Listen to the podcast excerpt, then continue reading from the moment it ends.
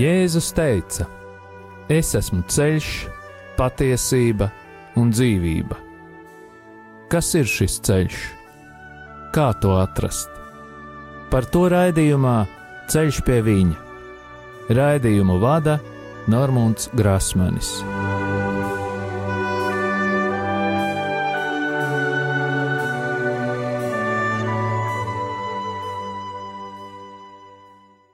Lai ir slavēts Jēzus Kristus, un tā ēterā raidījums Ceļš pie viņa. Šajā sezonā tas izskan piekdienās, pulkstens 16.30. Man ir prieks ar jums atkal satikties, darbie radio Marija klausītāji. Vēlos atgādināt, ka raidījuma e-pasta adrese ir ceļš pie viņa at gmail.com. Aicinu jūs rakstīt savas atsauksmes, varbūt kādam ir kāds komentārs, varbūt kāds jautājums. Esmu pateicīgs visiem tiem cilvēkiem, kur atceras mani un pārējos radio Marija darbiniekus un brīvprātīgos savās lūgšanās. Vēlos izmantot izdevību un pareklamēt savu darbību ārpus radio Marija kalpošanas. Galvenais notikums manā dzīvē ir tas, ka eju laulātā diakona sagatavošanās ceļu. Šobrīd esmu saņēmis lektorāta svētību, kas nozīmē svētību lasīt svētos rakstus, misijas laikā. Otrs nozīmīgs notikums manā dzīvē - es iestājos Rīgas augstākajā reliģijas zinātņu institūtā, profesionālā maģistra studiju programmā Reliģija ar kvalifikāciju Pastorālais konsultants. Šobrīd pie savas pastāvīgās darba vietas, kas ir fonds mīlestības pedagoģija, esmu izveidojis savu pastorālā konsultanta privātu praksi. Ar pastorālo konsultēšanu un aizlūgšanām praktizēju jau vairāk kā desmit gadus. Šobrīd to var darīt jau pilnīgi legāli. Tātad, ja kādam ir vajadzība pēc šādas konsultācijas un personiskas aizlūgšanas, esmu pieejams, un mans telefona numurs ir atrodams mūsu mājaslapā mīlestības māja.lv. Pirmdienās esmu viens no vadītājiem programmā Mīlestības terapija bērniem, kur strādāju ar bērniem līdz 11 gadiem. Šajā grupā dažas vietas vēl ir brīvas. Un tagad ķersimies klāt pie maldu mācībām, un šodien aplūkosim tādas grupas, kuras piedāvā reliģijas, filozofijas un sociālo ideju sajaukumu. Un šeit varam pieminēt, ka šīs grupas nostāda sevi tā, ka tikai viņi var uzlabot pasauli. Reliģiozitāte šajās grupās nav noteicošā. Vēlamie uzlabojumi ir vērsti uz labāku sabiedrību, kas palīdzēs piepildīt šo grupu mērķus. Šodien runāsim par jauno Akropoli. Šī organizācija ir dibināta 1957. gadā Buenos Airesā. Tā ir teozofiska kustība, ko dibināja argentīnietis Jorgs Angels Līvraga. Šī grupa ir izplatīta vairāk nekā 40 pasaules valstīs. Tā sevi sauc par filozofijas skolu teozofiskās tradīcijās. Tā tiek uzskatīta par kultūras apvienību vai kultūras darbnīcu. Veco pasauli šīs kustības biedri uzskata par slimu, jo līdz ar rietumu materiālo progresu, kapitālismu kā arī komunismu, cilvēkos pieauga apjukums, nedrošība un tika aizmirstas savas izcelsmes saknes. Jaunās Akropolis biedri sevi uzskata par seno ezotērisko zināšanu sargātājiem. Viņu filozofiskās idejas stāv tuvu teozofiskajām idejām. Caur cilvēku garīgās pasaules pārvērtēšanu būtu jāizveido jauna valstiska sistēma un teritorija, kur pieņemtu lēmumus svarīgos dzīves jautājumos tās iedzīvotāju vietā. Demokrātija pēc jaunās Akropoles viedokļa tiek uzskatīta par pilsoņu lamatām. Jaunā valstiskā forma darbotos pēc ģimenes principiem, kurā galva, kas ir tēvs, visu nosaka un rūpējas par pilsoņiem no piedzimšanas līdz pat nāvei. Garīgo vingrinājumu metodēm ir jāizveido no sekotājiem jaunus cilvēkus. Jaunā akropola vada lekcijas par seno civilizāciju, ezotēriskajām zināšanām. Misionārās akcijas tiek rūpīgi plānotas un vadītas no ģenerāla štāba, bet patiesais pasākumu nolūks no dalībniekiem tiek turēts slepenībā. Par oficiālo mērķi tiek nosaukts mākslas, zinātnes un reliģijas salīdzināšanas studijas, personības pašaudzināšana, lai viņi spētu pieņemt brīvās gribas aktus un dažādu rasu cilvēku grupu veidošana, kas nes atbildību par tagadni un cer uz nākotni. Jaunā akropole iekšējā lokā rīko mistēriju teātrus, kuros finansiāls ziedojums tiek uzskatīts par goda lietu. Ir noteikums, kas liek šīs grupas dalībniekiem šīs darbības turēt lielā slepenībā.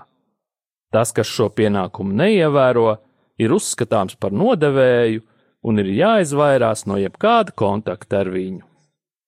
Jaunajā akropolē ir stingra pārvaldes sistēma, ar savu drošības dienestu, kas kopumā atgādina diktatūru. Eksperti šo organizāciju uzskata par radikālu grupējumu ar politiskām prasībām.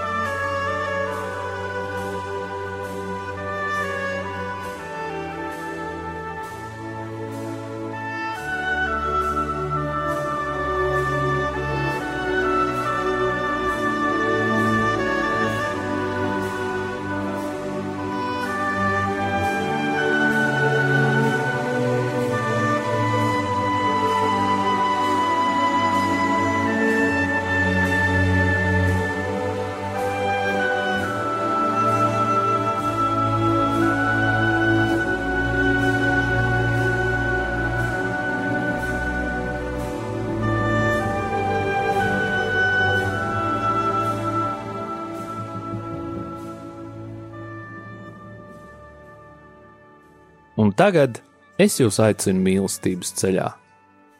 Pagājušajā raidījumā jums bija kāds uzdevums. Vai tev izdevās uzrakstīt mīlestības vēstuli sev? Jebkurā gadījumā to tu vēl vari izdarīt. Turpināsim iet pa ceļu uz sevis iemīlēšanu. Mēs varam uzdot sev jautājumu, kāpēc esam tik nopietni? Kāpēc esam tik traģiski, tik pilni ciešanu? Mūsos raud nemīlētā dvēsele. Tā ir izsalkusi un izslāpusi pēc mīlestības. Tāpēc mums būtu svarīgi iekārtot piezīmju grāmatiņu. Būtu svarīgi pierakstīt praktiskos vingrinājumus, kurus veiksim. Varbūt kādreiz tas būtu kāds vārds, kurš uzrunās pieraksti to. Šis vārds vai doma var kļūt par tiltu, kas ved uz dzīvību.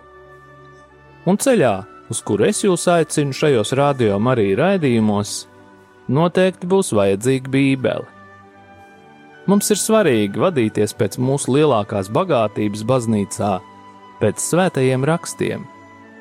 Es jums piedāvāju ceļu, kā satikt Dievu, kā iemantot dzīvību kā rīkoties pareizi ar brīvību, kur mums no iesākuma ir devis Dievs. Un mūsu mērķis šobrīd nav saņemt miesīgo dziedināšanu, jo Jēzus Kristus arī nenāca dziedināt miesu. Šo funkciju pilda dakteri. Kādā raidījumā jau minēju, ka arī psihi dziedināt nav baznīcas uzdevums, jo tas ir psihiatru uzdevums. Jēzus nāca, lai dziedinātu mūsu garu, un tieši šī funkcija ir uzticēta baznīcai. Un baznīcas uzdevums ir dziedināt cilvēku, tas ir tevi, kā veselumu. Baznīcas uzdevums ir dziedināt tevi morāliski, dziedināt tavu sirdsapziņu, lai tu kļūtu par jaunu radību, lai tu nedzīvotu naidā, bet spētu mīlēt, lai tu nebūtu gļēvulis, bet gan cilvēks, kuram ir drosme lai tu nedzīvotu svaidīgā nervozitātē, bet gan mierā, lai tu vairs nebūtu neusticīgs, bet gan spētu būt uzticīgs. Taču kas tad ir visā šajā teiktajā svarīgākais? Tu to visu vari saņemt tikai un vienīgi no Dieva, un tas viss ir iespējams tikai baznīcā. Glābšana, pestīšana būtībā nozīmē to pašu, ko tava gara dziedināšana, lai tu spētu būt labs, cilvēcīgs cilvēks. Savēlkot kopā visu teikto, tātad mēs nerunājam par psihisku vai ķermenisku dziedināšanu, bet gan par garīgu dziedināšanu. Protams, ka nav izslēgts, ka garīgā dziedināšana var izraisīt arī miesas atveseļošanos, un tas būtu tikai normāli. Ir jāsaprot, ka Jēzus nav nācis, lai dziedinātu ķermeņus. Šī kalpošana bija redzamā formā tikai tāpēc, lai mēs redzētu gara dziedināšanas zīmes. Viņš dziedināja, jo apžēlojās par cietējiem. Tas bija mīlestības akts. Ja vērojam svēto rakstu vietas, tad miesas dziedināšanas gadījumos Jēzus piekodināja nevienam nesacīt taču par gara vainu dziedināšanu bija jāiet un jāliecina par dieva darbu.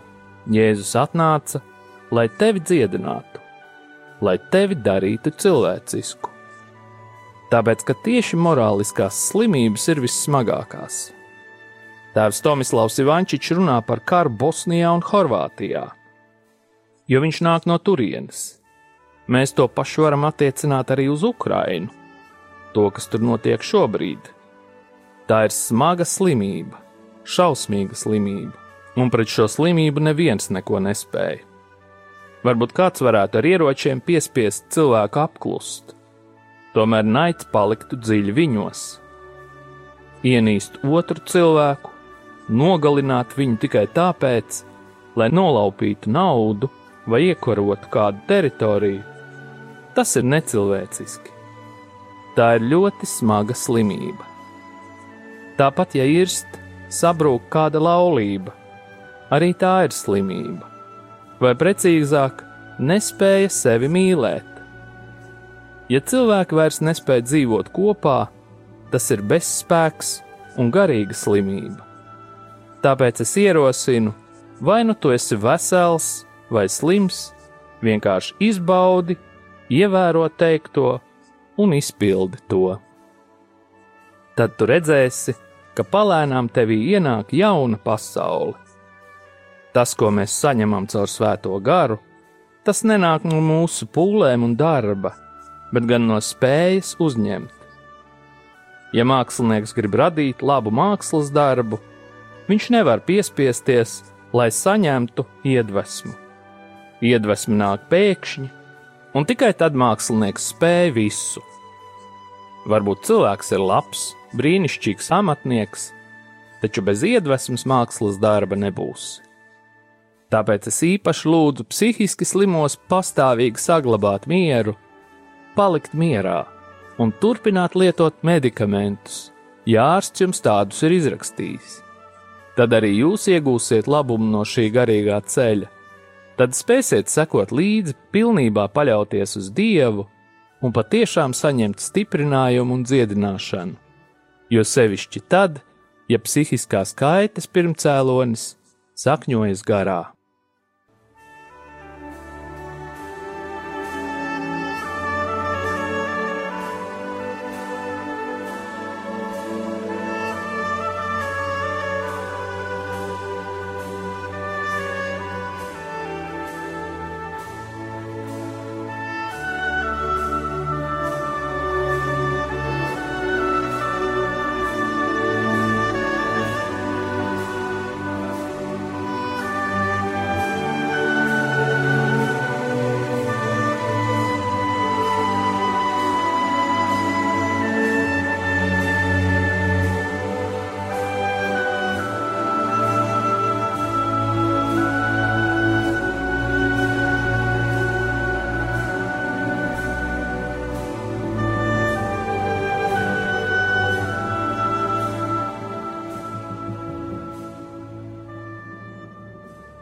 Tagad es jūs aicinu apgūt pirmo gara dziedināšanas principu, ko ir izstrādājis Tomislavs Ivančičs.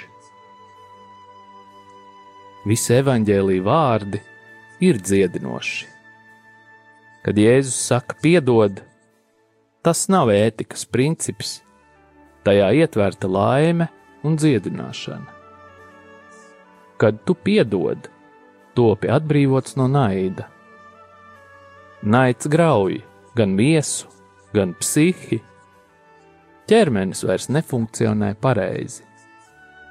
Bērns, kas nesaņem vecāku mīlestību, sāk nīst savu tēvu un māti, un šis protests viņā rada spriedzi vai organismu savilkšanos. Cik daudz cilvēku atrodas šādā stāvoklī neapzināti? Ja vēlies baudīt, tu nekad to nespēsi atrodoties grēkā. Ja nevari brīvi baudīt, agri vai vēlu ķersies pie narkotikām vielām un daudz kā cita, jo neapzināti vai apzināti, lai vai esi pagāns vai kristietis, tu jūti, ka grēkot nav pareizi sekas ir tādas, ka baidies no cilvēkiem un neapzināti arī no dieva. Ja tu par kādu runā sliktu, tad vairs nespēj viņam skatīties acīs. No tā cieš tava dvēsele un miesa. Gars jūt, ja dzīvo naidā ar dievu. Grēka dēļ tu vairs nespēji pasaulē izbaudīt prieku Vienīgi saskaņā ar dieva dotajiem likumiem tu vari izjust baudu līdz pašiem savas dvēseles un būtības dziļumiem. Pasauli ir radījis dievs, nevis vēlns. Tāpēc tikai dievs var dot prieku un apmierinājumu. Grēks sola daudz, sniedz maz un atņem visu. Grēks vienmēr ir krāpšana, meli un nāve. Zinātne izskaidro tikai dabas likumus. Baznīca tev māca dzīves likumus. Varbūt tu kļūdaini domā, ka baznīca neļauj priecāties par dzīvi. Tie ir meli. Gluži pretēji, baznīca grib rādīt ceļu, kas ieved baudā, priekā un brīvībā. Mēs dzīvojam pasaulē, kas ir gan laba, gan drūma, slikta un ļauna Tāpēc tev jāzina, kurš ir īstais ceļš. Baznīca neliedz un nepavēl, tā vienkārši saka: Ja gribi dzīvot, izvēlies. Vienā pusē tev būs dzīvība, otrā nāve. Ja gribi dzīvot, izvēlies pareizi. Te mēs runājam par garīgu īstenību, kur ne viss ir skaidri redzams materiālā puse ir viegli saprotama. Ja neatlaidīsi sajūgu, lai sāktu braukt, automašīna nekustēsies no vietas. Tas tiešā veidā ir attiecināms, ja nepiedosi, tu nespēsi dzīvot. Varam tikai apdomāt, ja ienīsti, tad esi nelaimīgs, nevienam nespēj skatīties acīs, pilnībā noslēdzies sevī kļūsti introverts, depresīvs, nekas tev vairs nesniedz baudu. Tā tad jau esi miris. Grēkot nav izdevīgi. Tu taču nedomā, ka īņa ir tikai viena pirksta galiņā, nevis tavā ķermenī. Pietiek, ja īņa iekļūst pirksta galā, lai sāktos vispārējā saindēšanās. Tas pats ir attiecināms uz grēku arī viens vienīgs grēks saindē tevi pilnībā, jo cilvēks ir veselums.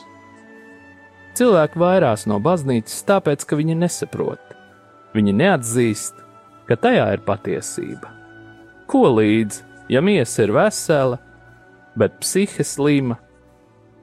Ja miesa un psihe vesela, bet gars ir slims un sirdsapziņa nomākta, runa ir par to, Gars tevi savieno ar Dievu un ar cilvēkiem. Tas nozīmē, ja esi garīgi vesels, tev pieder visums. visa pasaules vēsture un visi cilvēki, tad tu neko nevari zaudēt, tad tev ir mērķis. Tad tu zini, beigu nav, jo ikreiz ir sākt jauns sākums. Viss, ko saka Jēzus, ko viņš aizliedz vai pavēla, ir dziedinošs. Tās vienmēr ir zāles. Varbūt tu to nesaproti, taču pieņem. Vai tu skaidri zini, no kā sastāv tablete, kuru tevi izrakstīs ārsts? Nē, taču tu uzticies un iedzer to. Kad Jēzus saka, piedod citiem, atzīst savus grēkus, sāc mīlēt savu ienaidnieku. Viņš neskaidro kādu ētisku principu vai ideālu, viņš dod recepti.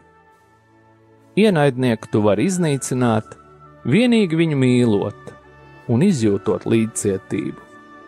Patiesi, tas ir briesmīgi būt ļaunam cilvēkam, tāpēc es jūtu līdzi, tāpēc es viņu mīlu.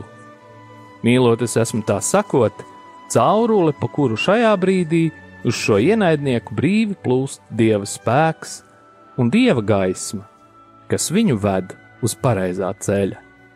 Mieru panākt nevis ar ieročiem, bet gan ar mīlestību. Tāds ir pirmais gara likums.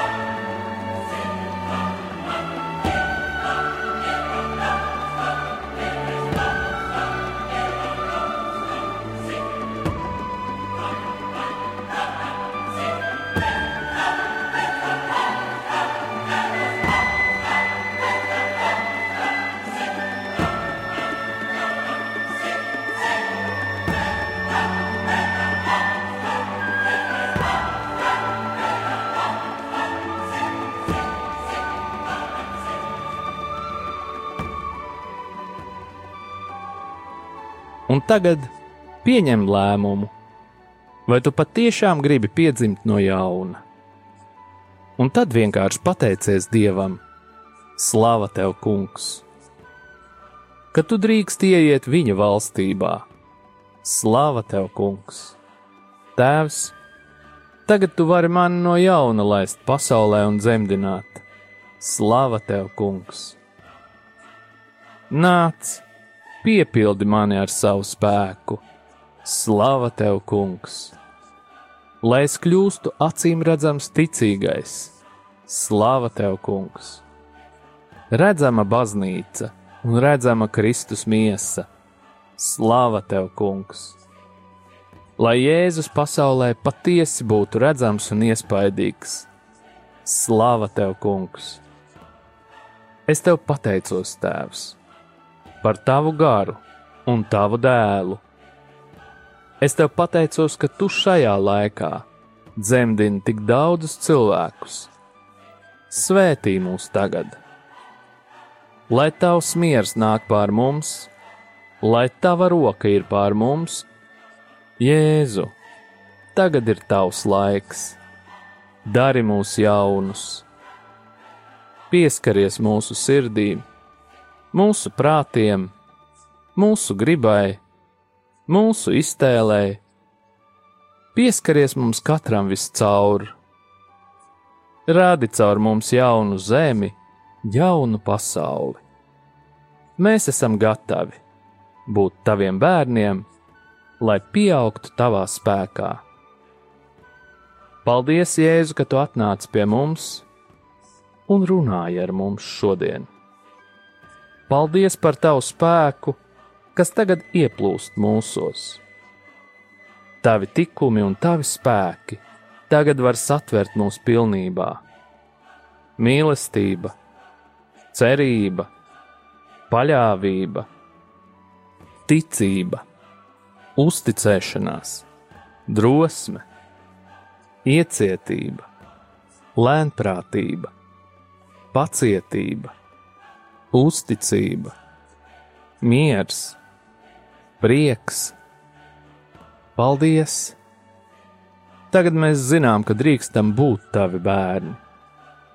Mēs pateicamies par tavu spēku, par tavu garu, par svēto garu, par tavām dāvanām, par taviem tikumiem.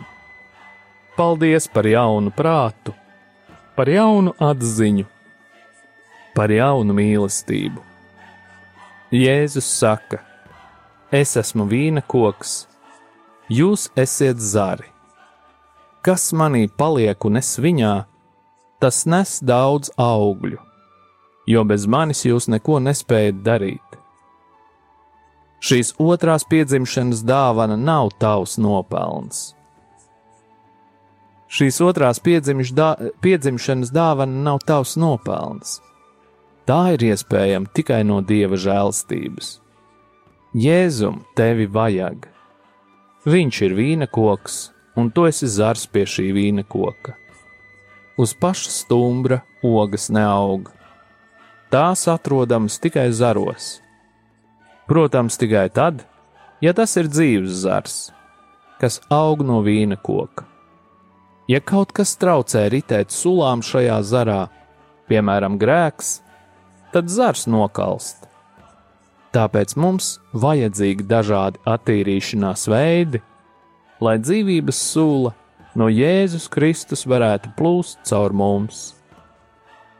Jēzum tevi vajag, lai dotu pasaulē gara augļus un vīnu, turklāt neatliekami, steidzīgi vajag. Tikai atļauj viņam sevi lietot, ļauj, lai viņš tev dod gara dāvanas un augļus. Un, ja tas ir iespējams, uzmeklē šovakar kādu klusu vietu, varbūt dabā, vai varbūt baznīcā, varbūt sakramenta priekšā, lai pielūgtu Dievu. Vienkārši apsēdies un saki: Paldies, Tev, Dievs, par visu, kas ir noticis un vēl notiks. Un tagad saņemiet pāvesta Franciska svētību. Kungs Jēzus Kristus, lai ir pār mums, lai mūs svētītu lai ir pie mums, lai mūs pavadītu, un lai ir ar jums un mums, lai mūs aizsargātu. Lai mūs svētī Dievs Tēvs un Dēls un Svētais Gars, lai asinis un ūdens, kas izplūda no Jēzus Kristus sirds, izplūst pār mums, un lai šķīstī, atbrīvo un dziedina. Saņemiet svēto garu, Dieva tēva un dēla un svētā gara vārdā Āmen!